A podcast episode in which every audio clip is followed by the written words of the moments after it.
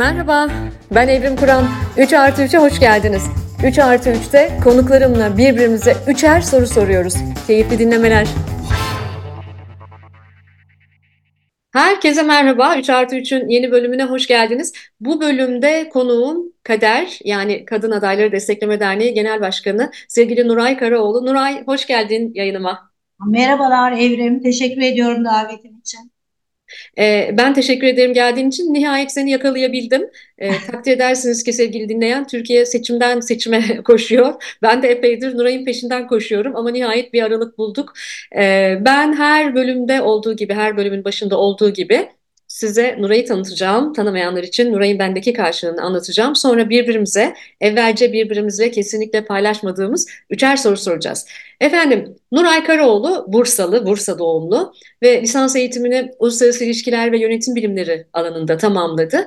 Ee, sonra sivil toplumda çok yoğun hareketleri oldu Nuray'ın. Çeşitli sivil toplum kuruluşlarında da üyelikleri var ve e, Göztepe Rotary Kulübü'nde 2002-2004 döneminde başkanlık yaptı.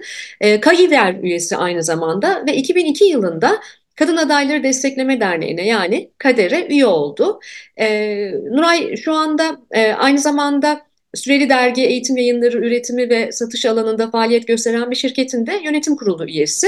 Ee, kadın girişimciliği onun e, uzmanlık alanlarından biri. Örgüt içi iletişim, toplumsal cinsiyet ve kotalar, e, siyaset bilimi e, tabii ki onun uzmanlık alanlarından. Bu alanlarda da bir sürü sertifika programlarını tamamladı. 2017'den bu yana KADER yani Kadın Adayları Destekleme Derneği Genel Başkanı olarak çalışmalarına devam ediyor. Türkiye'de de sürekli seçim olduğu için Nuray'da sürekli çok yoğun diye görüyorum onu ben. E, Nuray'la epeydir bu yayını yapmak istiyordum. Çünkü... E, bu yayını yap, yapalım mı Nuray dediğimde e, biraz daha ümit vardım açıkçası. Önümüzde hala seçimler vardı ve e, belki daha çok kadın adayı görebiliriz demiştim. Ama şu anda biz bu yayını e, Türkiye'nin çok önemli e, 31 Mart yerel seçimlerinden yaklaşık iki ay önce e, hatta daha az bir süre kaldı gerçekleştiriyoruz. Bir bakalım karnemiz nasıl? Kadın adayları destekleyebiliyor muyuz? Neler yapabiliyoruz? Ve en azından biz sivil halk olarak neler yapabiliriz? Bunları öğreneceğiz Nuray'dan. Ve benim İlk sorum geliyor. Çok basit bir soru ilk soru. Sonra zorlaştıracağım Nuray. Hazır mısın? Hazırım. İlk sorum şu.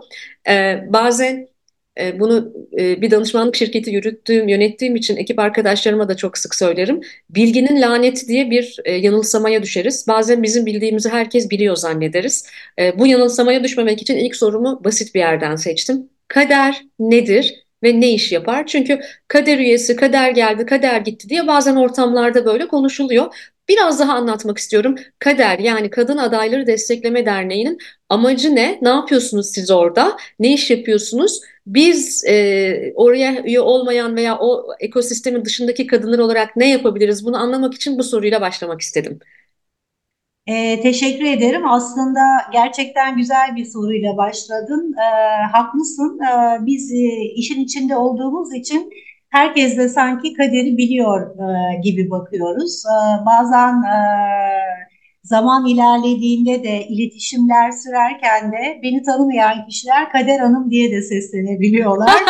e, ismi bilmelerine rağmen ama o kaderle böyle çok özdeşleştirilmiş oluyor. Aslında Kader ismini de seviyorum. Kader'in açılımı Kadın Adayları Destekleme Derneği. Ama aynı zamanda kadınların kaderine de e, projeksiyon tutan bir isim olmuş. Bu amaçla tabii ki bu isim konulmamış ama e, kaderin bizdeki karşılığı, Türkçedeki kelime karşılığı da e, hepimiz biliyoruz. E, ama biz kadınlar e, kaderimizi kabul etmek istemiyoruz. Kaderimiz olarak daha doğrusu gösterilmeye çalışanın gösterilmek istenen geleceğin e, bizim tarafımızdan kabul edilmediğinden yola çıkarak 18 kadın 1997'de bir araya gelmişler. Demişler ki e, siyasette kadınların adı neden yok? Bu eşitsizlik niye böyle devam ediyor ve biz bunu nasıl değiştirebiliriz?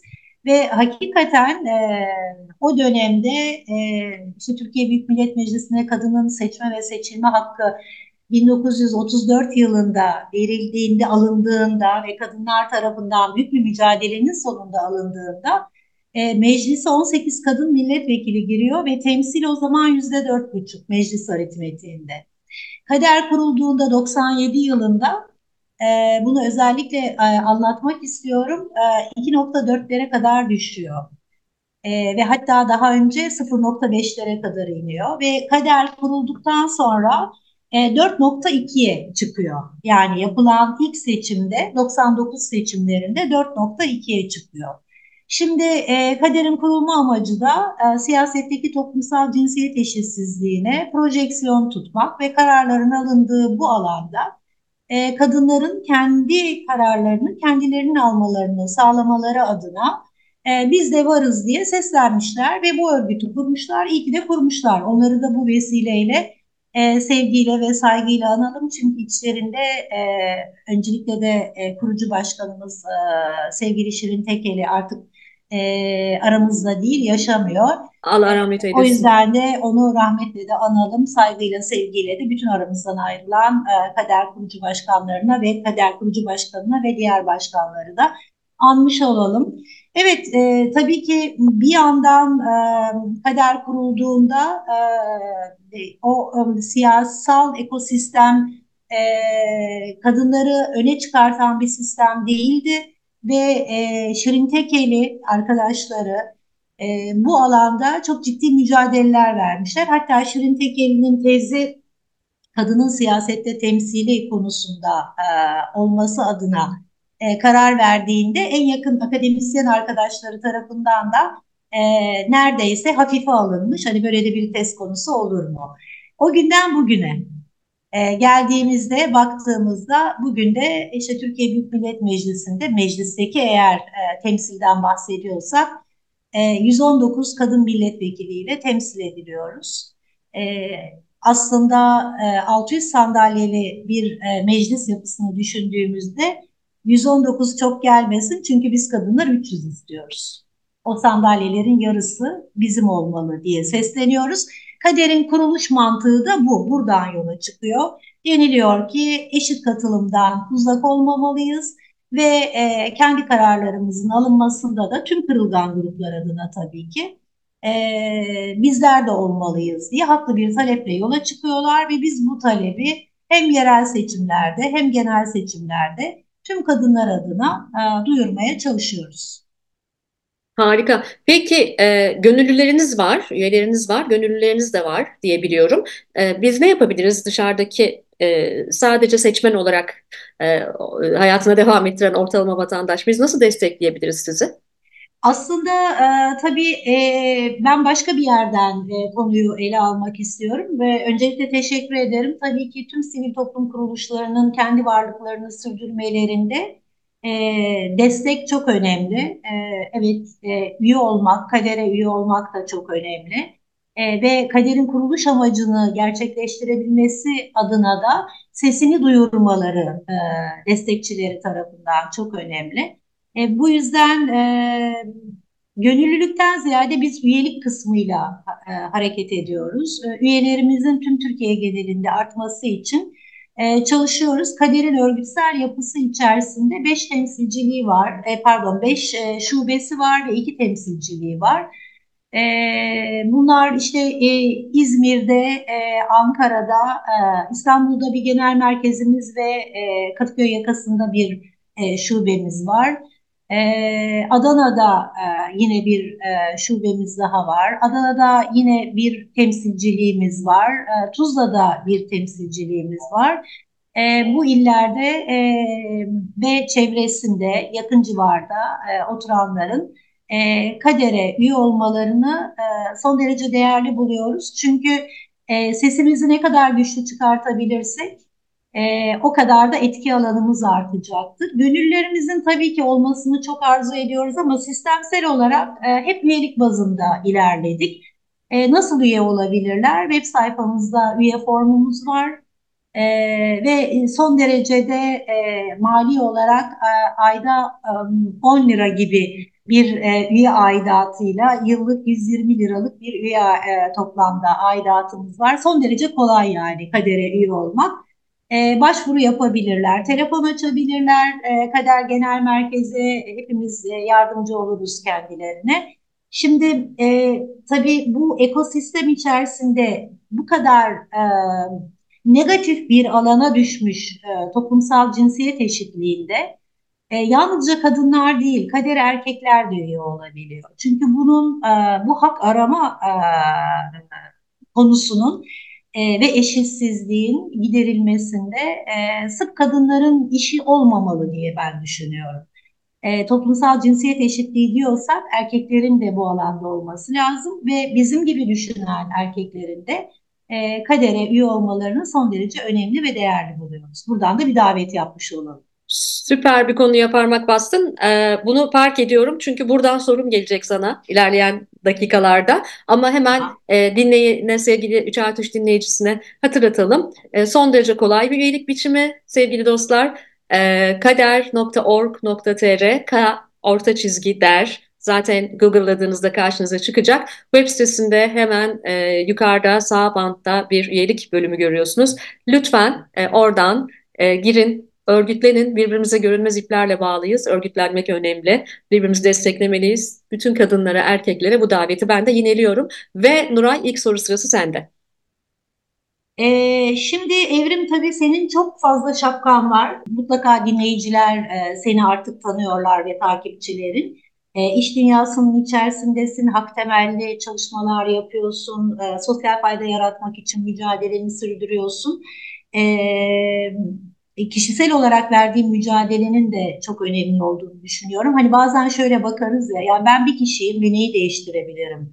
Ee, bu, bu kaotik ortam içerisinde, bu kadar keşmekeş içerisinde ve haksızlıklar içerisinde diye e, insanı e, e düşündüğü yerde e, pesimistliğe yönelten e, etkiler olabiliyor üzerinde. E, ama senin böyle yapmadığını ve var gücünle yıllardan beri e, bu bahsettiğim, bildiğim, bilmediğim belki de birçok daha alan vardır. Mücadeleni sürdürdüğünü biliyorum. Ben e, öncelikle de tabii ki e, kutluyorum. E, aktif bir vatandaş olarak e, bu alanda varlığını da e, önemli buluyorum. Şimdi değişen teknolojiye artık hepimiz e, yetişmekte zorlanıyoruz ama değişen teknoloji diye bir kavram e, hani teknolojinin zaten kendisi bir değişimi içinde barındırırken kelime anlamı e, ama hakikaten çok hızlı değişiyor ve bu hızlı değişim içerisinde sen iş dünyasının da içinde olan bir kadın olarak e, nasıl bakacağını soracağım ama şöyle bir parantez açarak sorumu sormak istiyorum. Mesela en son şunu duyduk, Google artık e, e, iş başvurularını e, organize ederken e, başvuranların üniversite mezunu olmasını şart koşmuyormuş. Böyle duyduk. Peki e, diyormuş ki bana yazılım yapması önemli. Yani e, üniversite mezunu olmayabilir. Belki e, teknolojiyle ilgilenen e, ilk öğretim mezunu birisi de olabilir. E, lise mezunu birisi de olabilir ama yazılım yapması ve değişikliği, dönüşümü e, tetiklemesi ve desteklemesi önemli diyorum. Konuya sen nasıl bakıyorsun, nasıl değerlendiriyorsun? Çünkü bizim wow. ülkemizde diploma çok önemlidir ya. Evet, şahane soru. Çok teşekkür ediyorum bu soru için. Ee, Google'a bütün kalbimle katılıyorum ee, ve yıllardır da iş dünyasında bu işin buralara geleceğiyle ilgili e, konuşmalar, çalışmalar yapıyoruz. Şimdi bir takım temel disiplinler var kuşkusuz ki, misal hukuk gibi, tıp fakülteleri gibi, e, sağlık bilimleri gibi e, veya bir takım çok spesifik mühendislikler gibi. O temel bilimlerde elbette ki e, üniversite eğitimi, üniversite derecesi önemli ama 21. yüzyılın yeni yetkinlikleri Dijital yetkinlikler bunlardan biri. Bu yetkinliklerde artık diplomalar, sertifikalar, e, diploma notları bunların hiçbir öneminin kalmadığını düşünüyorum. Gelişmiş ekonomilerde bun, bunun bunlardan vazgeçeli çok oldu şirketler. Hatta e, blank CV e, e, denen uygulamalara bile geçtiler. Yani sen iş başvurusu yaparken sadece fotoğrafını, cins, toplumsal cinsiyet kimliğini değil, aynı zamanda mezun olduğun okulu, mezun olduğun bölümü de bitiriyorsun, kapatıyorsun. Herhangi bir yanlılık olmasın diye. Şimdi bizde sevgili Nuray yanlılık sadece toplumsal cinsiyette yok. Yani eşitsizlikler e, ve e, ayrımcılıklar sadece toplumsal cinsiyette yok. Bizde okulculuk da var biliyorsun, bölümcülük de var, hemşericilik de var. Bizim bunları kırabilmemiz için de çok gerekli bir şey olduğunu düşünüyorum bunun ama en temelde soruna gelecek olursak e, çok çeşitli meslek grupları için 4 yıllık üniversitenin şart olmadığını ve hatta çok uzun olduğunu, gereksiz uzun olduğunu da düşünüyorum. Çünkü artık bu yetkinlikler neredeyse her yıl değişmeye başladı. Bundan bir 10 yıl önce 5 yılda bir yetkinlikler değişir diye bakıyorduk ve o zaman bile soru işaretlerimiz vardı. Eğer 5 yılda bir iş dünyasının yetkinlikleri değişiyorsa o zaman üniversiteye girip hazırlık okuyup üzerine bir de 4 yıl okuyup mezun olan çocuk iş hayatına girdiğinde yine sudan çıkmış balık gibi olacak ve yepyeni bir dünyaya görecek. Şimdi biz bugün bunları görüyoruz Nuray. Yani şahane okulların şahane bölümlerinden mezun arkadaşlar iş dünyasına geldiklerinde büyük bir uyumsuzluk görüyoruz. Manpower araştırma şirketi yıllardır bu, bunu yetenek kıtlığı başlığında ölçüyor. Hmm. Ve 2023 yılında dünya yetenek kıtlığında son 17 yılın en yüksek seviyesine geldi. %70'lerin üzerinde yetenek kıtlığı var dünyada, %77 civarında. Bu şu demek, okulların verdiği mezunlar, yani klasik eğitim sisteminin, örgün eğitimin verdiği bu mezunlar, şirketlerin ihtiyacı olan yetkinlikleri karşılamaya yetmiyor. Arada büyük bir boşluk var. Ve Türkiye, ki Türkiye'de 208 e, üniversite var, 8,5 milyon üniversite öğrencisi var, 1,5 milyon üniversite mezunu işsiz var. Türkiye'de de bu oran çok yüksek. Türkiye'de de yetenek kıtlığı %70'in üzerinde. Demek ki biz mutlaka e, okulculuğu, bölümcülüğü de bırakacağız ve belli başlı yetkinlikleri geliştirebilme ve yaşam boyu öğrenci olmaya teşne genç insanları alacağız ve onlarla beraber sistemleri kurgulayacağız. Özellikle teknoloji alanında bunun çok daha kolay olduğunu görüyoruz. Çünkü teknolojinin hızına yetişmek için de zaten gençlerin bu yetkinliklerine de ihtiyacımız var. Bizim e, benim de kurucu üyesi üyelerinden olduğum e, bir e, e, sivil e, giriş, girişimimiz var. E, bir e, sosyal girişim bu. Kar amaçlı bir girişim değil. Yetken diye. 21. yüzyıl yetkinlikleri geliştiriyoruz e, Türkiye'nin 81 ilinde gençlerde son 8 yıldır. Mesela biz orada sosyal bilim okuyan öğrencilerden coder yetiştiriyoruz Nuray. Yani bilişim hmm. sektörüne genç e, genç kadınlar hem de yetiştiriyoruz. Süper. Dolayısıyla Süper. E, bu keskin çizgileri artık kırmak gerekiyor. Çünkü o ezberler zaten bozulalı çok oldu. Ve yaşam boyu öğrenci değil miyiz? Şimdi bak Nuray ben 48 yaşındayım ve yaşam e, insan ömrü o kadar uzadı ki şuna izin vermeli değil mi? Eğer insan ömrü sağlıkla yaşarsak ve bu kadar uzarsa ben en az 30-40 yıl daha çalışacaksam ben şimdiye kadar hep sosyal bilim alanında çalıştım. Bundan sonra neden dijital teknolojiler eğitimleri alıp kendimi geliştirip 50 yaşımda ben neden coder olup kod yazmaya başlayıp enteresan bir başka iş yapamayayım ki? Bu dünya böyle bir dünya artık. O yüzden ben e, toplumsal cinsiyet ayrımcılığına karşı olduğum kadar yaş ayrımcılığına da karşıyım. İnsan her yaşta, her döneminde ve hangi sosyoekonomik seviyede ve hangi eğitimde olursa olsun yetkinliklerini geliştirip yeni bir meslek sahibi olabilir. Bu dünya buna izin veriyor. Çok teşekkür ederim. Ee, yenilikçi bir bakış açısı ve özellikle e, kültürel kodların alışılagelmişin dışında e, ezber bozan bir yaklaşım. E, teşekkürler. Ümit ederim e, Türkiye'de o günleri yakalar. Ee, İnşallah, inşallah. İş başvuruları bu şekilde yapılmıyor diye biliyorum. Ya da yapan belki de az sayıda şirket var. Çok az sayıda şirket var. Da. Evet. Çok az sayıda şirket var e, ama denemeler var.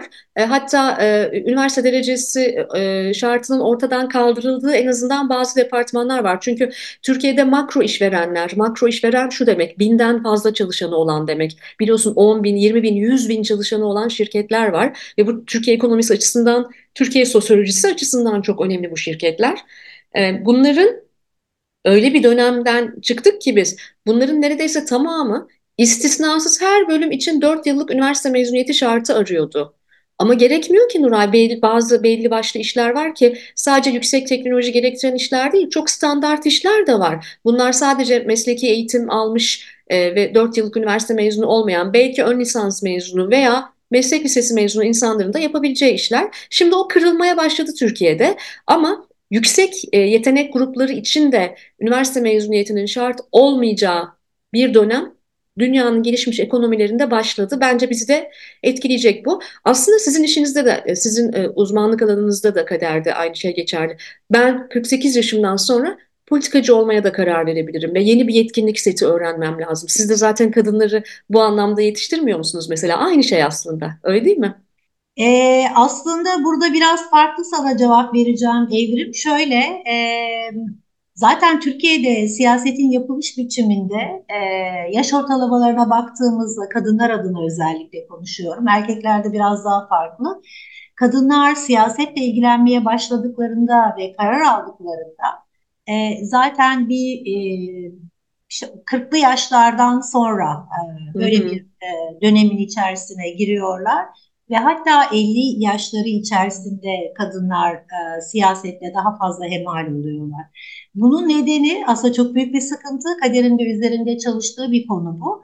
E, bunun nedeni kadınlar e, siyaset yapmaya karar verdiklerinde e, kendi yaşamsal döngüleri içerisinde yapmak zorunda oldukları e, e, bir takım zorunlulukları zaten ancak halletmiş olabiliyorlar.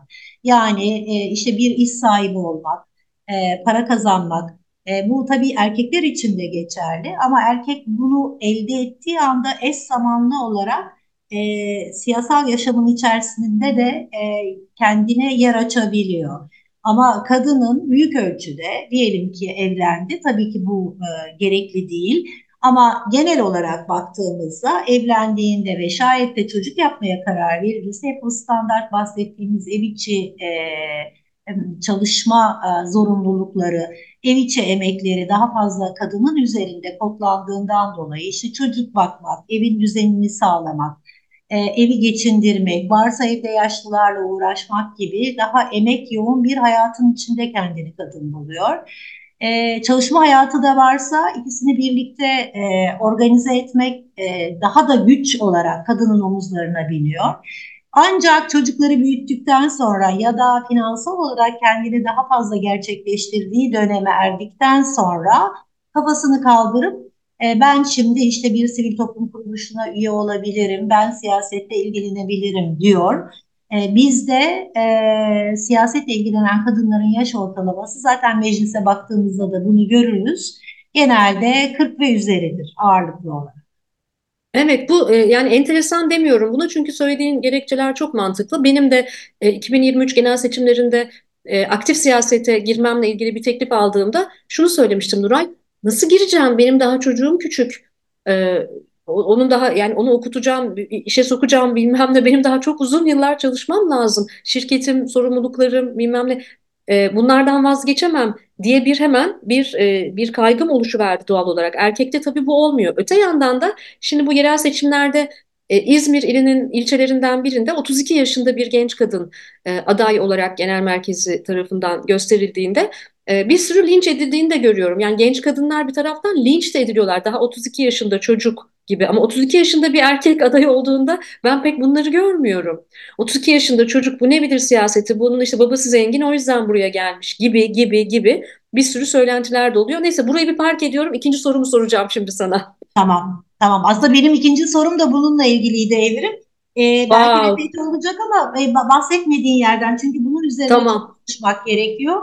Kesinlikle. Ee, bunu da soracağım dedim. Evet. Kesinlikle. Lütfen bunu ayrıca konuşalım. Şimdi ben ikinci sorumda e, senin e, birinci soruda söylediğin, ifade ettiğin e, bazı istatistikleri, e, rakamları da tekrar hatırlatmak da istiyorum sevgili dinleyen sizlere. Şimdi aslında Türkiye gerçekten e, toplumsal cinsiyet eşitliğinin görece kuvvetli olduğu pek çok batı ülkesine, pek çok Avrupa ülkesine göre çok daha erken yıllarda e, kadınların seçilme hakkını elde ettiği bir ülke. Yani bizim Cumhuriyet kazanımlarımıza baktığımız zaman çok şanslı olduğumuzu görüyoruz. Nuray da az önce söyledi.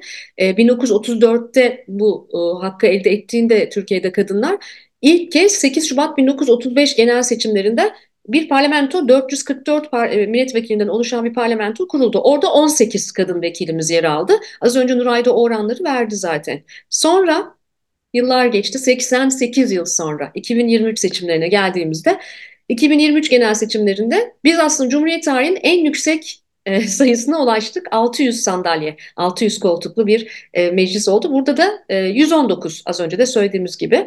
E, 31 Mart'ta yerel seçimler var. Çok az kaldı.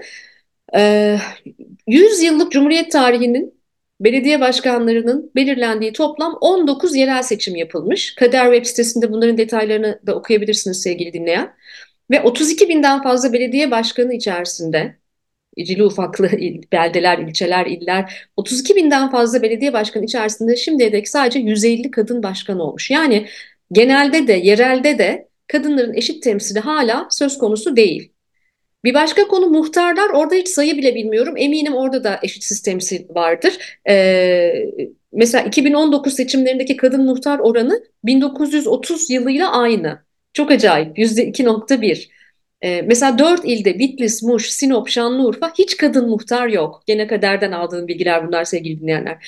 Dolayısıyla bunları niye söyledim?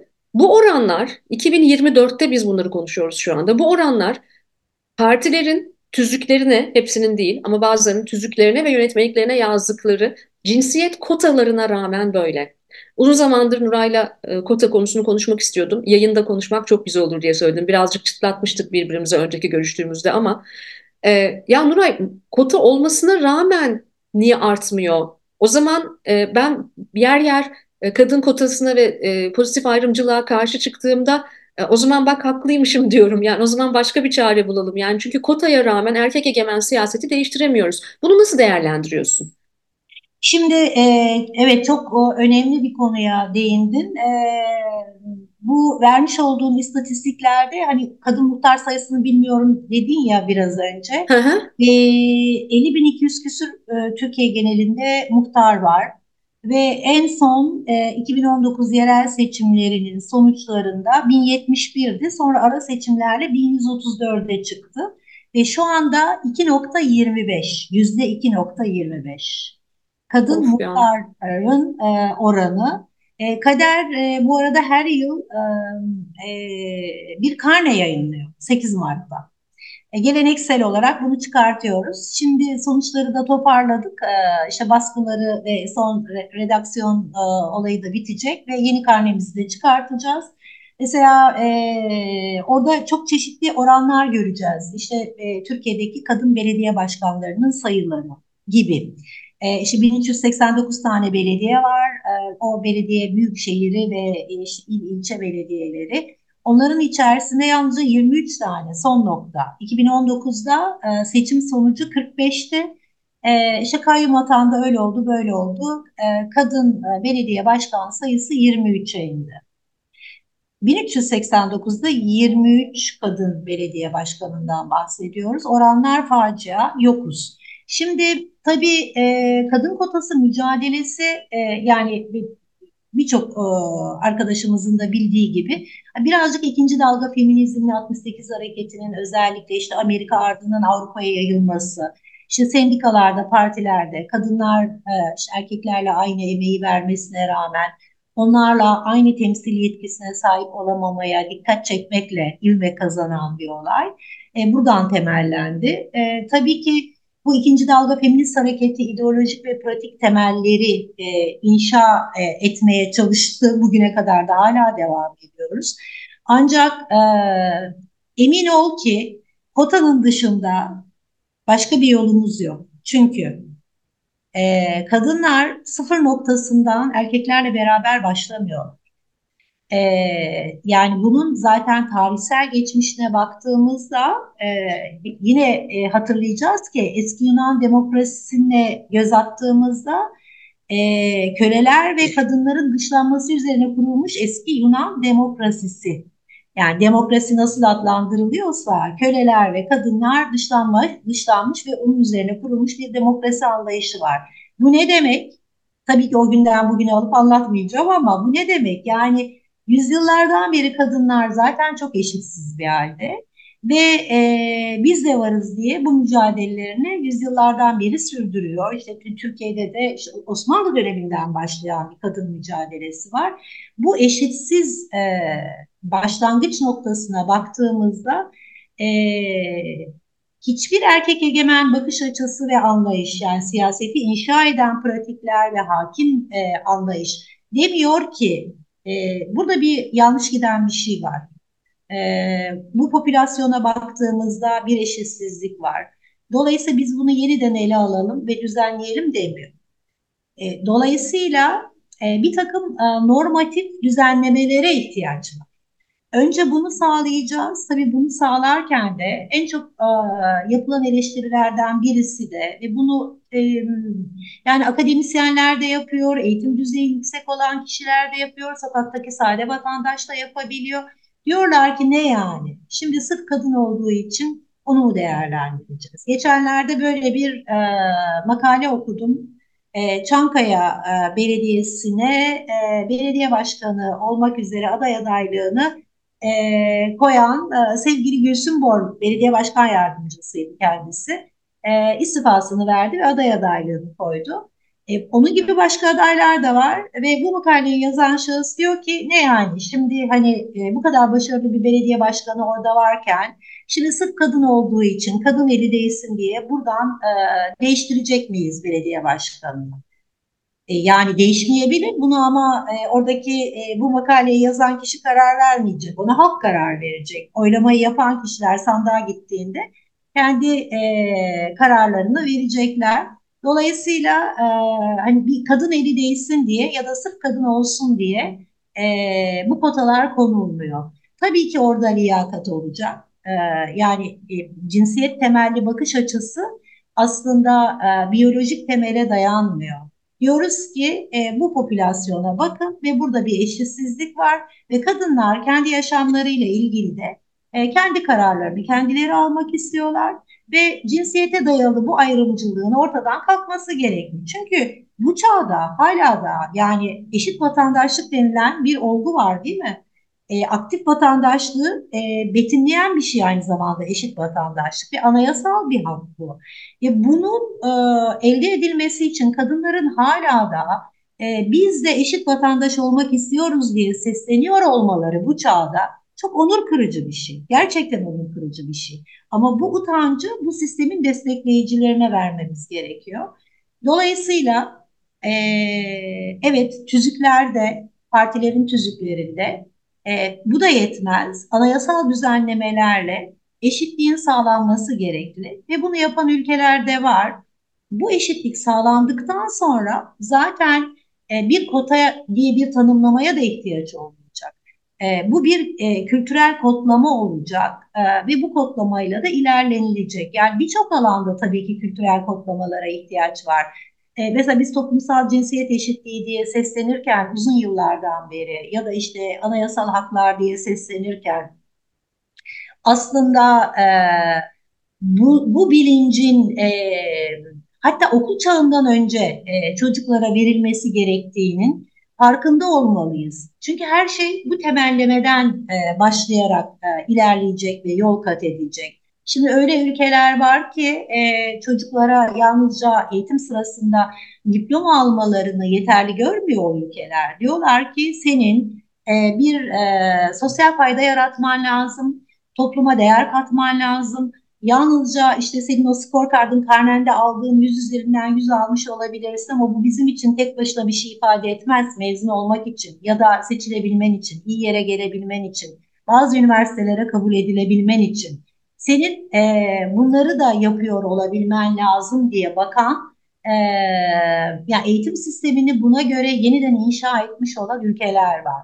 Zaten meseleyi buradan ele alırsak e, bu o, e, sıfır noktasındaki konumuzda e, anlamını yitirmiş olacak. Çünkü bir eşitlik yerleşmiş olacak. Bu bakış açısından da eşit temsille ben sen o değil, e, kadın erkek değil meselemiz aslında e, tüm kırılgan gruplar adına haklarına sahip çıkılması için normatif düzenlemelerin yerine gelmesi gerekli. Ama gerçekten çok utanç verici. Yani kaderin varlık nedeni bu.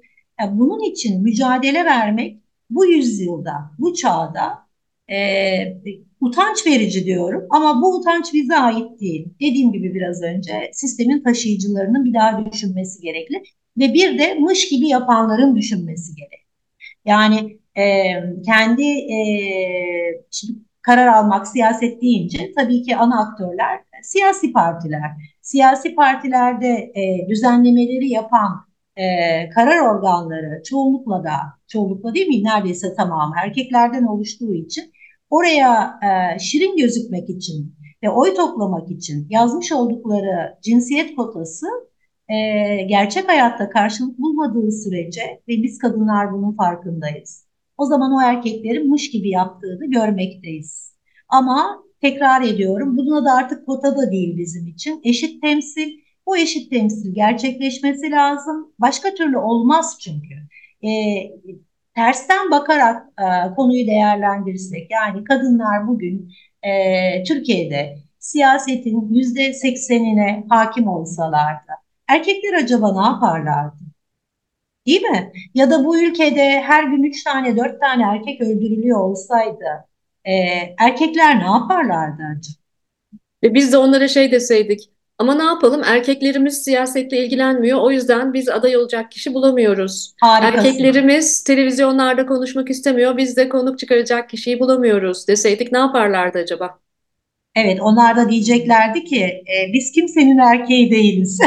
Ama bu toplumun yarısını oluşturuyoruz. Niçin bizim sesimizi duymuyorsunuz diye sesleneceklerdi. Muhtemelen öyle diyeceklerdi. Bazen tersten bakmakta fayda var. Evet. Geçenlerde bir e, siyasi parti e, il yöneticisi e, genç bir erkekle bir sohbet esnasında a, bu cümleyi kullandı. Kadınlarımız dedi e, teveccüh göstermiyorlar ve gelmiyorlar siyasete biz ne yapalım dedi. O zaman e, buradan şunu da ifade etmekte fayda olabilir.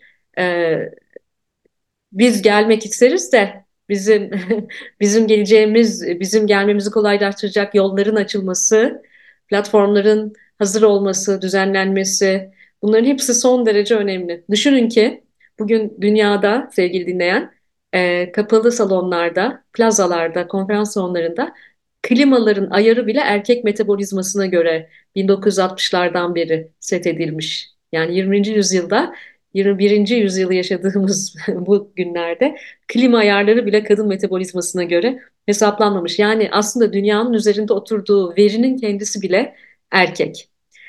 Evet, geldik senin ikinci soruna. Evet, ben yine gençlere tekrar dönmek istiyorum. Ee, çünkü gerçekten önemli bir şey. Ee, işte siyaseti biz hani e, çok kabaca tanımlamaya kalksak toplumsal taleplerin karar alma süreçleriyle kesişmesi ve bunun da kamusal alanda çözüm bulması diye tanımlarsak şayet e burada siyasi aktörlerin devreye girmesi lazım. Bu çözümleri oluşturacak olan e, siyasi aktörlerin varlığı çok önemli. Peki bu hani e, siyasi aktörlerin e, varlığı sırasında e, standart olarak hep belli bir yaşın üzerine mi projeksiyonu tutmamız gerekli? Yoksa toplumun değişmesi ve dönüşmesi adına e, gençlerin bakış açısını e, da değerlendirmek, aslında değerlendirmek değil yanlış kelime kullandım. E, şöyle oluyor, bu değerlendirmekten ziyade biraz evvel bahsettim. Çünkü bizim vermiş olduğumuz e, siyaset okullarındaki e, programlarda da e, yaş ortalamalarından biraz önce bahsettim. E, işte 40 ve üzeri daha fazla, e, 25 ve 35 yaş grubu daha az. Tabii bunun yansıması mecliste, Türkiye Büyük Millet Meclisi'nde ve yerel yönetimlerde de paralel olarak karşımıza çıkmakta. Ee, neden gençlerde bir siyasetsizlik hali var? Gençleri siyasete daha çok katmak için e, eksik ne yapıyoruz? Ya da e, bu durumdan çıkmanın e, yolları, koşulları neler olabilir? Senin baktığın yerden. Çünkü sen de gençlerle de ayrıca çalışıyorsun. E, ben senden biraz da feyz almak istiyorum. Çünkü en önemli e, konumuz e, siyasetin e, gençleşmesi. Aslında yalnızca siyasetin gençleşmesi değil, e, biraz evvel de bahsettiğim gibi toplumsal fayda yaratırken bir takım kurum ve kuruluşların içerisinde gençlerin olmasını sağlamak. E, bu bu o, isteksizliği nasıl giderebiliriz? Sen neye Ee, çok güzel soru, çok teşekkür ederim. Çünkü e, e, sadece e, siyasete değil, doğal bir uzantı olarak sivil toplum örgütlerine de, STK'lara da ilgisi Türkiye'de gençlerin zayıf. Örgütlenme meselesine bakışımız zayıf, korkuyoruz. Bir kere örgüt sözcüğünden korkuyoruz her şeyden önce. Ama bu dünya terminolojisinde organization, örgüt demektir sevgili dinleyen. Yani bunu çok politize edecek bir halimiz yok. Şimdi ben e, her e, genel seçimlerde ve tabii ki her yerel seçimde yeni eklenen seçmen sayısı yani ilk seçmen meselesine çok odaklanıyorum. 2023 seçimlerinden henüz çıktık ve 2023 seçimlerinde ilk kez oy kullanma hakkını elde eden 4,5 milyon e, ilk seçmen vardı. İlk seçmen ne demek? Yani ilk kez ehliyet alacak, ilk kez e, dışarı çıkabilecek, ilk kez tek başına seyahat edebilecek, ilk kez alkol içkiyi tek başına alabilecek. Yani aklınıza gelebilecek pek çok tüketici ürününden böyle düşünün lütfen. E, toplamda 2000'den sonra doğan ve bizim e, Z kuşağı diye adettiğimiz toplam 7,5 milyon seçmenin 4,5 milyonu 2023 seçimlerinde ilk kez oy kullanma hakkı elde etti. Aradan bir yıl geçmedi Nuray. Sadece 6 ay geçti değil mi? 6 ay mı? E, 6 ay geçmiş oluyor. Işte. Evet, evet. evet. Yani e, 31 Mart'ta e, hesaplamalarımızı yaptık. 1.1 milyon ilk seçmen daha ekleniyor Nuray. Düşünebiliyor musun? Yani bunları topladığın zaman bir e, küçük bir Avrupa ülkesi, Avrupa Birliği üye ülkesine denk geliyor. Toplam nüfusuna denk geliyor neredeyse. Yani bir 1.1 milyon genç seçmen daha ekleniyor. Şimdi ben seçime çok az kaldıkça e, pek çok adayın, aday adayının, adayın e, iletişim kampanyalarını çok yakından takip ediyorum. İktidar veya muhalefet fark etmeksizin. E, ve şunu görüyorum hala... E, gençlerin e, öncelikle aktif vatandaş olmalarını cesaretlendirecek. Ne demek aktif vatandaş? Sandığa gitmek. İlk adım bu. Sandığa gitmek. Bunu cesaretlendirecek. Sonra da e, daha da aktif olmalarını ve etken bir şekilde siyaset e, içerisinde veya sivil toplum içerisinde yer almalarını cesaretlendirecek e, çok net bir iletişim göremiyorum. Bana sıklıkla şunu söylerler, sen de az önce öyle sordun bir anlamda. Neden gençler siyasetle ilgilenmiyor? Neden siyasetsizler bu kadar? Ben de diyorum ki aslında gençler siyasetsiz değil, olmayı tercih etmezler de aslında apolitik değiller. Sadece Türkiye siyaseti sıkıcı ve çok eski. Bak bugün bir e, muhalefet partisinde 52 ee, yaşında bir genel başkan e, koltuğa oturduğunda herkes çok sevindi. İlk defa çok genç, çok genç falan dediler. 52 yaşında bir genel başkanı ama e, çok kısa bir süre önce İspanya'da, Fransa'da biz 30'lu yaşlarında e, o koltuklarda oturan liderler görmeye başladık değil mi? Veya işte e, dünyanın çok çeşitli ülkelerinde bu örnekleri biz görüyoruz. Dolayısıyla aslında 52 yaşında bir lider gördüğümüzde bile heyecanlanıyoruz çok genç diye. Ben şuna inanıyorum. E, Birincisi genç kadınları ve genç erkekleri ayrı değerlendirmek lazım. Hala Türkiye siyaseti e, gençleri yeterince e, yeterince davet etmiyor, e, söz hakkı tanımıyor, otantisite yok çünkü Türkiye siyasetinde. E, bugün gençlerin en önem verdiği e, ifade bu, hakkaniyet, otantisite, sahicilik kendini yüksek sesle apoletler olmaksızın ifade edebileceği, özgür düşüncelerini ifade edebileceği platformlar. Maalesef Türkiye siyaseti hala son derece katı hiyerarşik mekanistik bir yapıya sahip. Bak Türkiye siyasetinde sen benden çok daha iyi bilirsin. Herkese başkan diye hitap edilir. Başkanım aşağı, başkanım yukarı. Belki bir vakit bir yere aday adayının adayı olmuştur. O da ona da başkan derler. Yani öyle büyük bir apolet, öyle büyük bir hiyerarşi mekanizması var ki. Halbuki bundan Türkiye'nin şirketleri bile vazgeçeli çok oldu. Artık şirketlerde bile çevik yönetim sistemleri var. Artık şirketlerde de daha e, proje bazlı çalışmalar, daha az mekanistik yapılar, daha lineer yapılar konuşuluyor, çalışılıyor ki performansı ve katılımı artıralım diye. Aynı şey siyaset için de geçerli. Çok mekanistik ve e, bugün Türkiye'nin genci, özellikle de yetkinlikleri kuvvetli gençler gelip burada bu vakitleri kaybetmek istemiyorlar. Ya ben 15 yıl sonra, 20 yıl sonra şu olmak için şu şu şu aşamalardan mı geçeceğim? Bu kişiyle görüşmek için e, e, şu şu şu aşamalarda şu kadar bekleyecek miyim gibi. E, bu, bu bana sıkıcı geliyor. Öte yandan da 31 Mart seçimleriyle ilgili bir gençlik araştırmacısı olarak bir öngörümü paylaşmak isterim. E, o da ben genç seçmenin ki 1.1 milyon da yeniden eklenecek e, 7-8 milyonluk evrenimize. Genç seçmenin oy kullanmama eğiliminde olduğunu düşünüyorum şu anda. Yani e, çok az bir zaman kaldı. 60 günden daha az zaman kaldı. E, sandığa gitmeme yani edilgen olma eğilimi olduğunu düşünüyorum. Çünkü gençlik iletişimi ve gençlikle ilgili e, e, gençlikle ilgili iletişim kurmaya çalışan lider veya lider adaylarının hala şaka yaparak, şarkı söyleyerek veya TikTok'ta eğlenceli videolar çekerek siyaset yapmaya, siyaseti gençlere anlatmaya çalıştıklarını görüyorum. Hayır, siyasetin gençlikteki tek geçer akçesi sahicilik ve gerçekçilik ve daha az konuşup daha çok dinlemek. Malumat vermeyi bırak, bırakması gerekiyor artık liderin ya da lider adayının. Daha çok dinlemesi gerekiyor ve gençler neredeyse oraya gitmeleri ve gençlerin dertlerine adres etmeleri gerekiyor. Bugün Türkiye gençliğinin çok ciddi bir barınma sorunu var. Maslow'un ihtiyaçları hiyerarşisinin en dibinde bugün Türkiye'nin gençleri 2024'te. Vakıf üniversitelerinde bile, vakıf üniversiteleri görece sosyoekonomik seviyesi yüksek ailelerin çocuklarının gittiğini görece kabul edelim. Vakıf üniversitelerinde bile bugün bir öğlen karnını doyurması için minimum 150 liraya ihtiyacı var bir gencin. Dolayısıyla aslında o kadar büyük yaşamsal dertleri var ki e, fikir geliştirmeye ve bir düşüncenin, bir e, idealin peşinden gitmeye çok fazla vakti kalmıyor. Brecht'in çok sevdiğim bir ifadesi vardır. Önce ekmek sonra ahlak diye. Bir kere ekmekle ilgili büyük bir problemi var Türkiye gencinin. Açlık ve yoksulluk ve işsizlik ve düşsüzlükle boğuşuyor.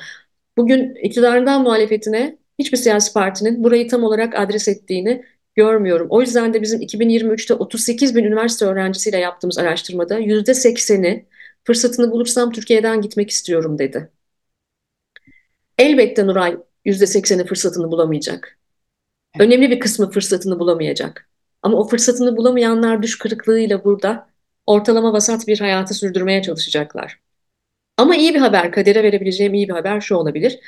Bir süre önce e, Türkiye'nin 81 ilinde e, gençlerin toplumsal cinsiyete bakışıyla ilgili bir araştırma yaptık. Orada e, e, ümit var olduğum konular e, ortaya çıktı. Bir kere genç kadınlar da genç erkekler de Türkiye'de toplumsal cinsiyet eşitliği olmadığını düşünüyor. En azından orada yavaş yavaş yani gençlerde dengelendiğimizi görüyoruz tamam mı? Erkekler de diyor Türkiye'de toplumsal cinsiyet eşitliği yok diye. Ve biz şunu sorduk. Dedik ki e, Türkiye'de toplumsal cinsiyet eşitliğinin sağlanması konusunda en çok kime güveniyorsun? Kim bunu çözebilir? En az siyasi partilere güveniyor gençler. Niye gitsin ki Nuray? Derdin orada çözülebileceğine inanmıyor zaten. Peki en çok kime güveniyor? En çok sivil toplum örgütlerine güveniyor. Siyasi partilerden, şirketlerden, kamudan çok daha fazla sivil toplum örgütlerine güveniyor. O yüzden ben yine buradan e, çok teveccüh gösterip dinleyen genç dostlarımız da var. Yine buradan şunu ifade ediyorum. Örgütlenmek için bir siyasi partiye üye olmanız e, aktif vatandaş olmak için bir siyasi partide örgütlenmeniz gerekmiyor. Sivil toplum var ve sivil toplumda da yapabileceğiniz, sivil toplumda da katkı koyabileceğiniz çok fazla fikir platform var. E, buradan başlamanın kıymetli olduğunu düşünüyorum. Yani sivil toplum gençlerdeki bu siyaset, siyasetsizliğin önüne geçebilecek bir kaldıraç etkisi olabilir Türkiye'de. E, teşekkürler Evrim. E, hatırladığım kadarıyla senin de gençlik kollarıyla ilgili e, vakti zamanında Cumhuriyet Halk Partisi'nde miydi? Bir evet, çalışman evet. e, vardı diye hatırlıyorum. Yanlış ben evet 90'lardan gençlik kollarından yetişmeyim. Mesela hani enteresan ki şimdi ben bakıyorum beraber yetiştiğim, e, büyüdüğüm dostlarım çünkü sonuçta bir e, önemli bir muhalefet partisi, ana muhalefet partisi benim gibi gençleri 90'larda yetiştirdi. Genel merkezde MYK, e, Gençlik Kolu MYK üyesiydim ben aynı zamanda. Gerçekten çok şey öğrendim. Örgütlenmeyle ilgili, e, siyasete çok siyaseti çok sevdim. Ama şimdi bakıyorum oradaki dostlarım, beraber büyüdüğüm, öğrendiğim, yetiştiğim arkadaşlar leblebi gibi dağılmışız. Herkes bir yerde, hiçbirimiz, neredeyse hiçbirimiz %99'umuz siyasette, aktif siyasette değiliz. Dışarıdan izleyip bir biçimde e, belki de sivil toplumdan destek olmaya çalışıyoruz. E, o yüzden acaba gençlik kollarının yapıları da yani 90'lardaki haliyle kaldığını görüyorum hala çünkü. Acaba o halde kalmasa mı? Yani e, ben kadın kolu ve gençlik kolu yapısını siyasetin tokenizm yani numunecilik olarak görüyorum. Yani oradan işte biraz numune de aldık. Bak oraya kadın da koyduk. Buraya işte genci de koyduk. Hele ki seçim öncesi zaten kadınlar kapı kapı daha rahat geziyor. Gençler de çok güzel döviz yazıyor, bayrak diziyor. Döviz yazıyor sevgili dinleyen. O pankartlara döviz deniyor siyaset dilinde. Ee, dolayısıyla burada bir numunecilik var. Aslında kadınlar ve gençler numune değil. Ben siyasete, Türkiye siyasetine bunu bangır bangır anlatmaya çok çalışıyorum. Biz numune değiliz. Gençler de numune değil. Kadınlar var bir de erkekler var. Bir de gençler de var ve gençler de ana akademi siyasetinde yer alabilirler. Gençlik kolları e, tüzüklerinde gençlik kolu yapılanması olan siyasi partiler 30 yaşı geçenleri ana akademiye alıyorlar. E, ama e, artık dünyada biz bir e, yaşsızlığa doğru gidiyoruz. Yani yaş, fizik yaşı bunun tam belirleyicisi değil. O yüzden ben 90'larda düşünsene oh yüzlerce yıl olmuş gibi geliyor bana şu anda. 20'li yaşlarımda 90'larda e, siyasetin içerisinde yer alan bir genç kadındım. Ve o dönemlerden bu dönemlere bakıyorum ne e, tüzükte, ne kongre, kurultay süreçlerinde, ne e, çarşaf listelerde, ne orada ne şurada ne burada çok büyük bir değişiklik yok Nuray. Dolayısıyla e, o dünyaya bugünkü halimle bile beni davet edemiyorsa siyaset, bugünkü genci hiç davet edemiyor. Bir de Türkiye siyaseti biraz şöyle oldu gençlikte. İş, iş ve işçi bulma kurumu gibi de çalıştı il teşkilatları. İşte şu siyasi partiye üye olursan e, çok çabuk iş bulursun gibi böyle sancılar da ortaya çıktı. Halbuki bu iş böyle değil. Siyasi partiler sevgili genç arkadaşlar her alanda yetkinliklerinizi rahatlıkla ifade edebileceğiniz platformlardır aslında. Doğru e, ortamlarda yer alabilirseniz, kendinizi çok geliştirebileceğiniz. Ben bugün e, profesyonel bir konuşmacıysam, bir yazarsam, e, araştırmacıysam çünkü ben o dönem Türkiye'de hiç gençlik araştırmaları falan yapılmazdı. Ben o dönem bu araştırmaları yapmayı 90'larda CHP'de e, çalıştığım dönemlerde öğrendim. Sevgili Bülent Tanrı'nın ekibindeydim çünkü.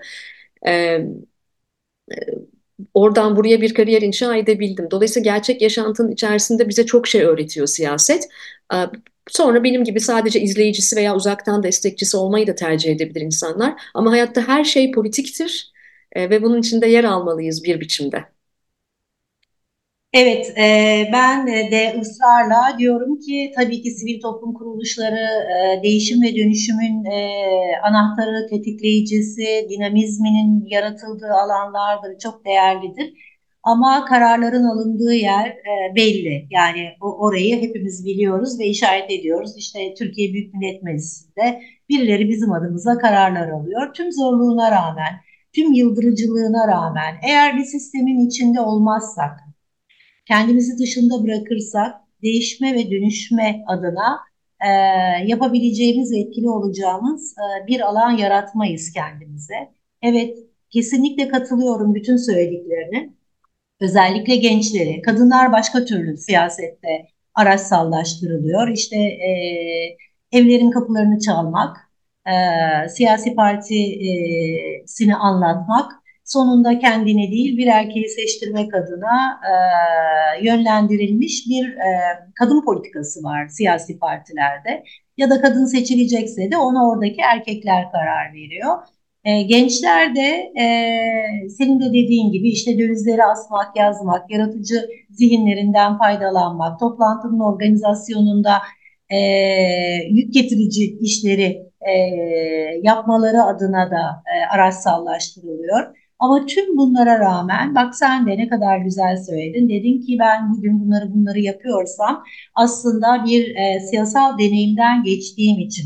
Çünkü bu gerçekleri görüyorsun ve tam da burada zaten mücadele edilmesi gereken noktaları da öğreniyoruz.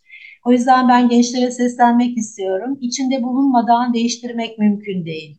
Lütfen dahil olun ve oradan dinamiği hep birlikte yaratalım ve birbirimizi destekleyelim ve büyütelim. Teşekkürler bakışın için. Sağ ol. Allah'tan e, siyasi partilerin gençlik kollarından yetişme az sayıda da olsa e, şu an Türkiye Büyük Millet Meclisi'nde veya siyasetin ana kademe yönetimlerinde e, gençler veya artık genç olmayan bireyler var. Az sayıda da olsa var ama orada bir e, bir tenür problemi görüyoruz yani e, çok kalıcı olmuyor değer yaratan insanlar siyasetin içerisinde. Bu makus talihimiz değil, bu değişmeli. Liyakatı da yeniden tanımlamalıyız. Biz artık öyle bir aşamaya geldik ki Türkiye'de bir adamın, adamının altını çiziyorum, adam kelimesini özellikle kullanıyorum. Bir adamın bir sayfadan uzun bir CV'si varsa ay çok liyakatlı bunu seçelim demeye başlıyoruz hemen. o işler öyle olmayabilir belki de.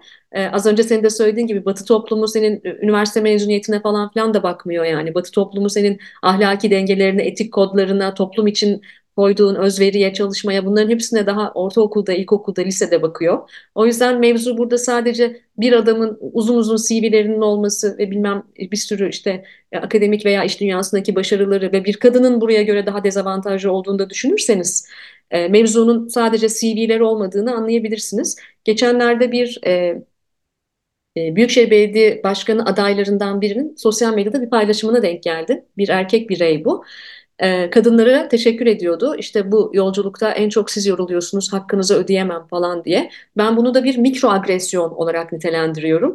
Mikroagresyon yani ben mikroagresyona şöyle derim, iltifat e, kılıfında e, hakaret bence bu. E, kadının görevi siyasi partide işte e, bir e, erkek birey başkan seçilsin veya bir şey bir yere seçilsin diye arka tarafta e, kapıları rahat açabilmek, halkın içerisinde rahat gezebilmek falan bu değil yani. Teşekkür e, edilecek konu da bu değil. Bunu erkek de yapmalı günün sonunda. E, biz bunları anlattığımızda ben e, anlattığımda sıklıkla ay amma da duyar kastın e, lafıyla karşılaşıyoruz. Valla ben kendi adıma duyar kasmaya devam edeceğim. Kendimi bildim bileli bu alanda duyar kasıyorum. Bundan sonra da duyar kasacağım yani. E, aslında çok önemli bir şeyin altını çizdin. E, şöyle ki Kader çeşitli projeler yapıyor. E, benim de böyle bir deneyimim var. E, bu projelerden birisinde yaklaşık iki yıl kadar önce 22 ee, belediyenin katıldığı ve belediye başkanlarının da katılmış olduğu bir e, çalışmamız vardı. Yerel eşitlik eylem planının hazırlanması ve mahalle düzeylerine kadar da inen e, çalışmalar yapılarak e, toplumsal cinsiyet eşitliği ve buna dayalı bütçelendirmenin neden gerekli olduğu, yerel eşitlik eylem planı nedir vesaire Buna yönelik bir e, çalışmaydı bu. E, açılış toplantısında 22 belediyenin belediye başkanı da katıldı. E, e, birkaç tane belediye başkan yardımcısı katılmıştı. E, belediye başkanlarından bir tanesi birçok dönem üst üste seçilmiş. Yani yaklaşık en hafif tabiriyle 15-20 yıldır diyeyim. E, belediye başkanlığı yapan e, ve alanında tecrübeli olan ve biraz da bu tecrübenin rahatlığıyla e, fütursuzca konuşan bir belediye başkanıydı. Biz toplumsal cinsiyet eşitliğinin öneminden bahsederken vallahi dedi başkanım yani ben dedi e, bunun çok bilincindeyim. Çünkü yıllardır ben belediye başkanlığı yapıyorum. Eğer o kadınlar olmasaydı, o evlere girmeselerdi ben seçilemezdim kadınlar. O yüzden çok değerli bizim için demişti. E, ve ben bunu güzel bir e, anı olarak gerçekten her yerde anlatıyorum yeri geldikçe e, toplumsal cinsiyet eşitliği deyince ve kadınlar neden olmalı deyince bir belediye başkanının ve üstelik birçok dönem belediye başkanlığı yapan ve halen o belediye başkanlığını sürdüren e, bir adamın, ben de altını çizeyim, e, bu konudaki bakışı böyleydi. Yine komik bir şey daha söylemek istiyorum. Bunu da birçok kez tekrarlarım. E, yine bu toplantıdan bir anımdır benim. E, bir başka e, belediye başkan yardımcısı e, söz aldı e, dedi ki isim vermiyorum çünkü hani bir söz hakkı da olmasın kendilerine olmadıkları için e, olduğu zaman konuşalım karşılıklı. E, dedi ki bizim için, bizim belediyemiz için e, kadınlar gerçekten çok önemli. E, ne kadar güzel dedik bilmiyoruz. E, daha dedi geçenlerde belediyenin mobilyalarını değiştirdik ve değiştirirken kadınlara değiştirdik biz bu mobilyaları dedi. Kadınlar çok önemli bizim için. Ben de Allah razı olsun dedim. İyi ki varsınız yani. E, siz olmasaydınız ne yapacaktı bu kadınlar?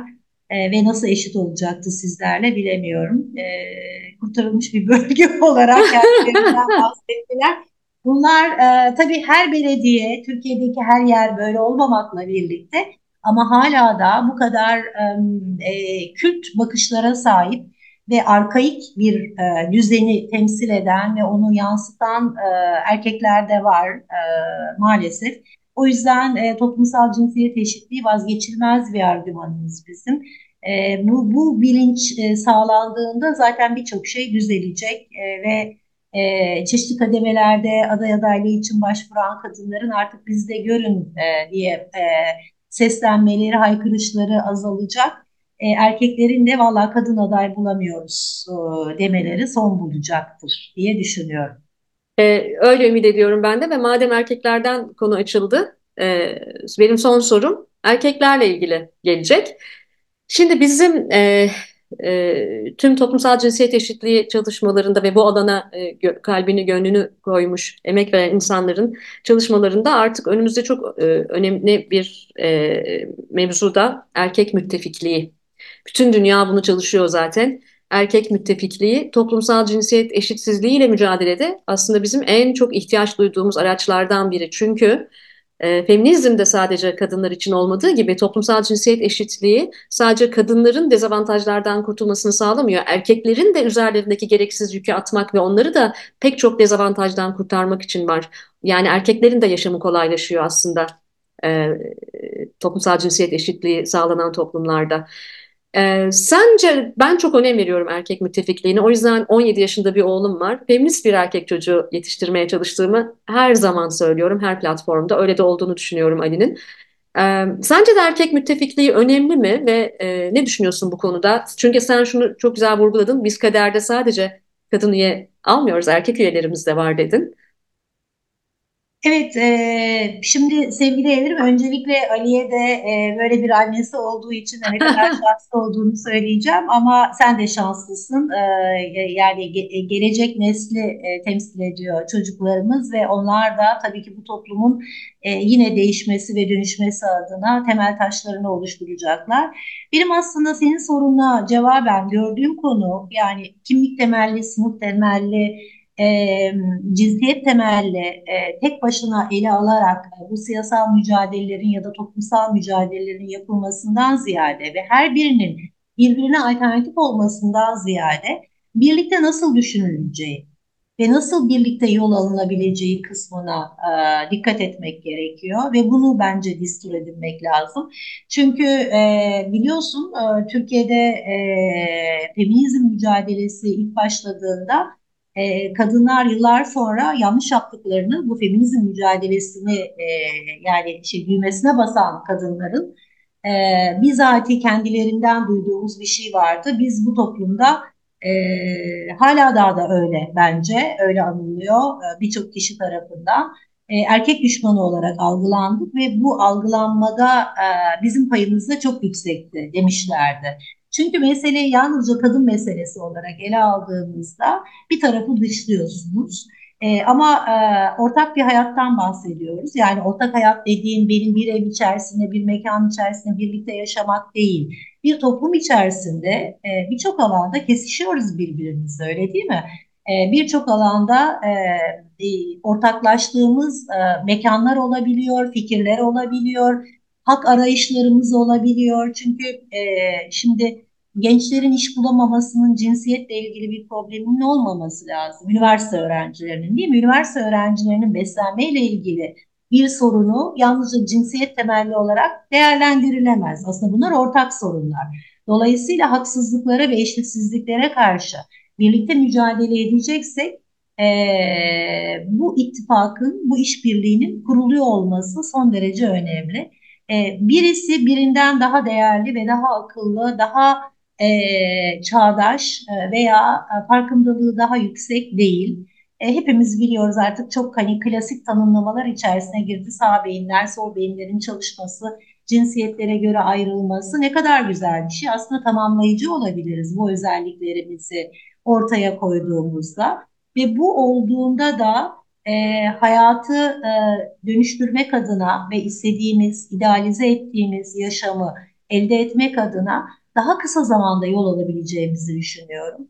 E, bu nedenle ben hiçbir zaman e, gerek kadınların siyasal haklarını e, konuşurken, gerek e, toplumdaki yerlerini değerlendirirken veya anlatırken e, hiçbir zaman erkekleri dışarıda bırakarak konuşmamaya özellikle dikkat ediyorum. Benim de bu arada üç tane erkek çocuğum var.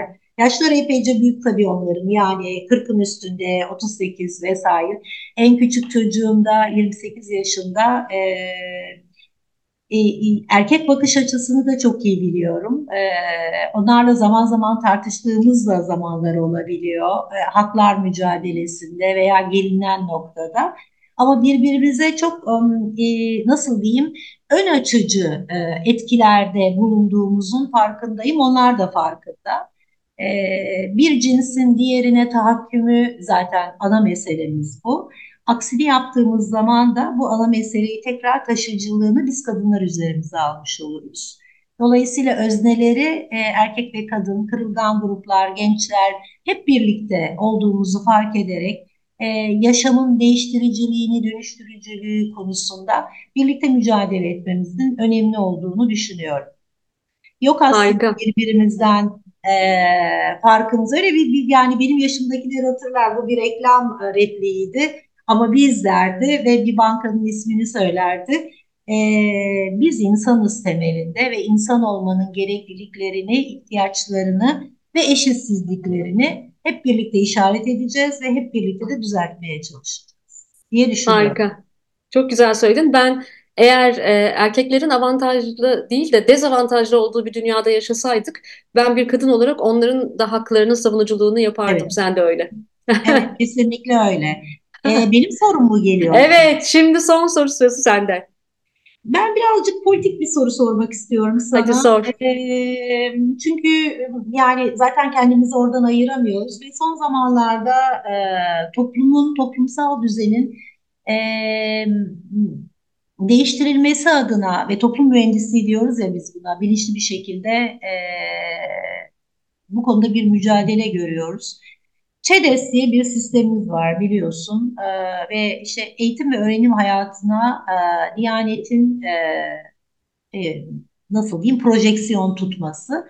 Şimdi en son ortaokul ve lise düzeyindeki öğrencilere verilen eğitimin içerisinde imamların olmasının dışında e, el arttırıldığını görmekteyiz ve e, buna ilkokul öğrencilerinin de katıldığını, e, dahil edildiğini e, duyuyoruz. Burada şöyle bir şey var, din görevlileri nezdinde, manevi danışmanlar nezdinde ilkokul öğrencilerine derslerine yardımcı olmak, ödevlerini yapmak konusunda e, Diyanet işte dediğim gibi e, yani dini taraftan destek verileceğini, manevi danışmanlar tayin edileceği söyleniyor. Buna nasıl bakıyorsun? Gönüllülük esasında e, yapılacaktır bu işlemler deniliyor.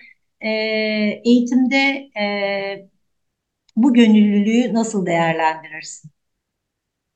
Çok güzel bir soru ve gerçekten yüksek sesle tartışmamız gereken bir soru. Ee, onun için çok teşekkür ediyorum. Ee, e, ama e, bütün bunlardan önce yani çetesi e, çetesi tartışmayı açmadan önce bir şeyi hatırlatmak istiyorum. 1924 yılına götürmek istiyorum bütün dinleyenleri. 1924 Tevhidi Tedrisat Kanunu'nun çıkarıldığı dönem sevgili dinleyen. 2024'teyiz şu anda. 1924'te Öğrenim Birliği, Tevhidi Tedrisat Kanunu çıkarıldı. Sebebi eğitim layıkleştirildi ve tüm eğitim kurumları Milli Eğitim Bakanlığı'na bağlandı ve e, kız ve erkek öğrenciler eşit haklarla eğitim görmeye başladı. 1924'te yasalaştırdığımız bir mevzudan bahsediyoruz. Bunun üzerine de e, 2023'te bir e, ÇEDES e, projesi Milli Eğitim Bakanlığı ve Diyanet İşleri Bakan, Başkanlığı ve Gençlik Spor Bakanlığı arasında imzalandı. Açılımı çevreme duyarlıyım, e, değerlerime sahip çıkıyorum. E, aslında bu bir değerler eğitimi gibi lanse edilse de bizim Milli Eğitim Bakanlığı'na e, elbette bağlı 1 milyondan fazla öğretmenimiz var ve bunlar zaten pedagojik formasyon alan ve e, uzun dönem stajlar yapan yani o yetkinlikleri elde etmek için zaten akademik eğitimler alan bireyler bu 1 milyondan fazla öğretmen. Neden manevi danışmana ihtiyaç var. Neden manevi danışmanlar özellikle de görevlendirilecek imamlar, vaizler, din hizmetleri uzmanları, Kur'an kursu hocaları e, oluyor? Bunu ben e, anlayabilmiş değilim. Benim e, çocuğum Türkiye'de e, okusaydı bundan dolayı da e, endişe ederdim açıkçası. E, çünkü 1924'te yasalaştırılmış bir konu var e, ve e, ne yapmaya çalışıyoruz? E, değerleri neden e, dışarıdan gelen bir din görevlisi veriyor? E, bu konuda benim çok büyük soru işaretim var. Bunun bir toplum mühendisliği olduğunu düşünüyorum elbette. Son derece karşısındayım. Ayrıca değerler e, değerler eğitimi böyle e, bir e, maneviyat dersinde verilmez. Zaten müfredatta din kültürü ve ahlak bilgisi diye bir dersimiz de var öte yandan. E, ve din kültürü ve ahlak bilgisi dersinde bütün dinleri tanıdığımız, kendi e, e, Türkiye Cumhuriyeti'nde e, ağırlıklı olarak nüfusun inandığı İslam dinini de tanıdığımız ve diğer dinleri de tanıdığımız ve e, temel ahlak e, kodlarını çalıştığımız, öğrendiğimiz bir ders bu zaten. E, öte yandan bunlar varken neden bir din görevlisi e, görevlendiriliyor? Bunu en az sınıf anneleri kadar e, sakıncalı buluyorum. Yani sınıf anneleri konseptine de karşıyım Türkiye'de. Veli WhatsApp gruplarının da çok sakıncalı olduğunu düşündüğüm gibi bunun da çok sakıncalı olduğunu düşünüyorum. E, eğitim sistemine çok aykırı bir durum. E, ve bence mutlaka bunu tartışmalıyız, konuşmalıyız ve sesimizi yükseltmeliyiz. O açıdan bu soruyu sorduğun için de ayrıca çok teşekkür ediyorum. Milli, ahlaki, insani, manevi, kültürel değerler e, böyle yapılandırılmış programlarla öğretilmez. Yaşayarak öğrenilebilir bunlar ancak. E, ve bizler e, 1980'li yıllarda ben ilkokuldayken hayat bilgisi derslerinde, işte e, ev ekonomisi derslerinde, efendim işte e, ilcilik kulüplerinde e, veya din kültürü ve ahlak bilgisi derslerinde sosyal bilimlerin pek çok tarafını zaten öğrendik, çalıştık ve gerçek yaşamda deneyimledik bunları da. E, ve değerlerine sahip çıkmayan ahlaksız insanlar da olmadık. Tam tersi. Dolayısıyla çok tehlikeli bir hat olduğunu, bir bıçak sırtı olduğunu düşünüyorum bunun. Ciddi bir toplum mühendisliği olduğunu düşünüyorum ve çok üzülüyorum gerçekten. Evet, e, teşekkürler. E, bu gönüllü çalışmaya e, bizler gönüllü değiliz, öyle seslenmek lazım. Gönlümüzü veremiyoruz maalesef bu gönüllü çalışmaya. E, senin dediğin gibi yani ben de din kültürü ve ahlak e, eğitimine e, katıldığım, e, ev, ev ekonomisi vardı benim zamanımda, işte hayat bilgisi vardı, e, yine hatırladığım derslerin içerisinde e, tamamıyla sana katılıyorum. Çünkü bu değerleri pekiştirecek olan e, ekstradan e, başka bir e, yöntemle e, yapmak değil. E, çünkü e, bununla ilgili e, ders saatleri belirlenmiş, dersler konulmuş. Daha fazlası aslında iyi bir şey yapayım derken e, nasıl diyeyim e, tepkisel olarak da e, rahatsız edici olacaktır. Neden buna ihtiyaç duyulur? E, hatta buna çok yakın e, şey vardı. Dini, dini vakıflara Milli Eğitim Bakanlığı'nın e, şimdi bütçesinden pay ayrılması e, gibi bir e, tartışma vardı biliyorsunuz yakın tarihte mecliste ve denmişti ki e, evet vakıflara e, bu vakıflara e, biz e, bu paraları e, vereceğiz ve onlarla işbirliği yapmaya devam edeceğiz. Çünkü onlar çocuklarımızın e, dağa çıkmasına e, engel oluyorlar çalışmalarıyla demişlerdi. E, niyet iyi olabilir ya da kötü olabilir ama böyle olmaz. Yani eğitim sisteminin içerisinde bu olmamalı. Ben de hatta bir programa çıkmıştım bununla ilgili de şöyle bir şey sormuştum. Aslında tamamen devletin kendi öz görevlerinin içinde olan e, kendi vatandaşını, kendi gençlerini ve çocukları e, eğitmek e, ve onları koruma yükümlülüğü nasıl olur da e, bu görev ve yükümlülüğü bir başka kurum ya da kuruluşa devredilir? Böyle bir aciziyeti mi var devletin? Bir vakıf tarafından ya da bir kurum kuruluş tarafından çocukların bugün bu konu olur, yarın başka bir konu olur öyle yapmamalarını sağlamaları için onlara destek vermek. Geçerli nedenin bu olmaması lazım. Ee, herkes aslında kendi yerini tüm kurum ve kuruluşlar bilir ve oradan kendi mücadelelerini güçlendirirlerse doğru olan zaten ortaya çıkacak. Diğeri e, yüksek doz gibi geliyor. Yüksek doz gerçekten zehir yoktur, doz vardır. Toksikolojinin ana felsefesi ee, ve bu, bu, bu ıı, hızla zehre dönebilir. Çünkü e, ilk öğretim çağındayken hatırlarsan biz müzik dersinde de milli ve ahlaki değerlerimizi e, üzerinden geçtik. Öyle bir müfredattı çünkü. Beden eğitimi dersinde de geçtik. Değil mi? 19 Mayıs'lara evet. hazırlandık. Tabii. Milli ve ahlaki Tabii. değerler. Efendim işte hayat bilgisi, sosyal bilgiler veya işte ev ekonomisi e, derslerinde de bunların üzerinden geçtik. Bu müfredatı, e, bu e, eğitimin geldiği nokta beni gerçekten çok üzüyor. İyice deneme tahtasına döndü ama ee, özür dilerim ama Diyanet İşleri'nin, e, Milli Eğitim Bakanlığı'nın e, içinde uygulanacak bir programda ne işi var? Ben bunu inançlı bir kadın olarak soruyorum. Ben ateist veya deist değilim, inançlı bir kadınım, elhamdülillah Müslümanım. Ama ben bunu soruyorum. Diyanet İşleri'nin e, seküler bir e, eğitim sisteminin içerisinde nasıl bir müdahalesi olabilir? Hatta iddia ediyorum, keşke bunu yapabilmek mümkün olsa. E, bu ÇEDES programı uygulanmaya başlasın, tamam? Başlanmadan önce bir ön test yapalım. Buradan benim e, çağrım olsun e, Gençlik Bakanlığı, Diyanet İşleri ve Milli Eğitim Bakanlıklarına da. E, bir ön test yapalım. Aradan e, 10 yıl geçtikten sonra bir de son test yapalım. İnanç sistemlerinde bir değişiklik, nasıl bir değişiklik olmuş? Acaba bu deizmi tetiklemiş mi mesela bu program? Bunları bunları bir bakalım. E, harika yani. bir şey e, söyledin. Çünkü ölçme ve değerlendirme aslında bizim toplumumuzun en çok ihtiyacı olan. Yalnızca bu konu o, özelinde söylemiyorum. E, yani yola çıkarken nasıl yola çıktık, ilerlerken nasıl ilerledik ve sonunda hangi noktaya geldik kısmı hep göz ardı edilen bir konudur. E, sosyal bilimlerde de bu çok önemli ve bunu mutlaka yapmak lazım. Kader de e, birçok çalışmasının ölçme ve değerlendirme sistemini kullanmaya gayret ediyor. Ve uzmanlarla çalışıyor bu konuda. En son yapmış olduğumuz siyaset okulunda da böyle ilerliyoruz. Şimdi sonuçları çıkmak üzere raporu e, bitmek üzere. E, sana katılıyorum çünkü bazen yola çıkarken hedeflediklerimiz e, o yüksek doz nedeniyle e, bizi yoldan saptırabilir ve tamamen ters bir yere de e, hiç planlamadığımız, hedeflemediğimiz bir yere de bizi ulaştırmış olabilir.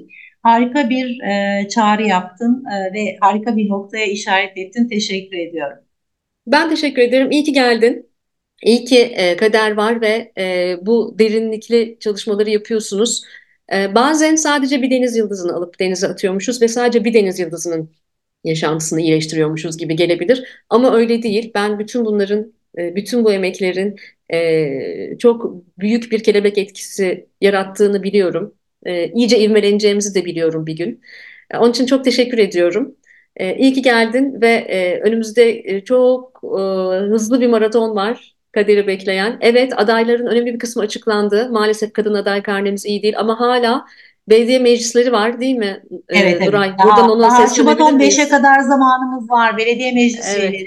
Biz kadınlar biraz da böyle mi yapıyoruz acaba? Yani e, biz aslında belediye başkanlıklarında e, söz sahibi olmak istedik, eşit temsil istedik. E, genel seçimlerde işte Mayıs ve Haziran'daki seçimlerde e, yine aynı şeyi hedefledik sonunda büyük bir hüsrana uğradık. Ama yalnızca cinsiyet e, eşitliğinde değil, e, eşit temsil konusunda değil, sonuçlar e, başka e, hedefleri olan e, herkese olduğu gibi rahatsız etti. E, ama şey diyoruz, e, yani evet nerede kalmıştık? E, çünkü o mücadele hattını güçlendirmek ve e, pes etmemek gerekiyor. Yıllar yıllardır kadın hareketinin yaptığı zaten e, en önemli e, çalışma, e, örgütlü çalışmada bu e, gerçekleştirilmek istenilen birçok e, değişim ve dönüşüm kadınların istemediği değişim ve dönüşüm Türkiye'deki örgütlü kadın yapısıyla engellendiğini hepimiz biliyoruz. E, ben çok teşekkür ediyorum böyle bir fırsat yarattığın için. Ayrıca seninle konuşmayı da evrim özlemişim. E, hepimiz de aslında birbirimizi besliyoruz bu tür konuşmalarla. E, ama e, aynı zamanda evet kader işin bir ucundan tutuyor. Siyasette karar alma mekanizmalarında eşit temsilin sağlanması adına e, diğer e, sivil toplum kuruluşlarındaki arkadaşlarımız da çok önemli seslenişler ve mücadelelerde e, ne diyeyim e, güçlerini ve omuz omuza mücadelelerini birleştirip sürdürüyorlar. E, iyi ki varız diyorum ben kadınlar olarak e, ve e, bizim sesimizi duyan ve bu eşitsizliği fark eden bu işte bir yanlışlık var diyen erkekleri de bekliyoruz. Birlikte mücadelemizi büyütelim ve e, bu çağ dışı arkaik sisteme artık bir son verelim demek istiyorum.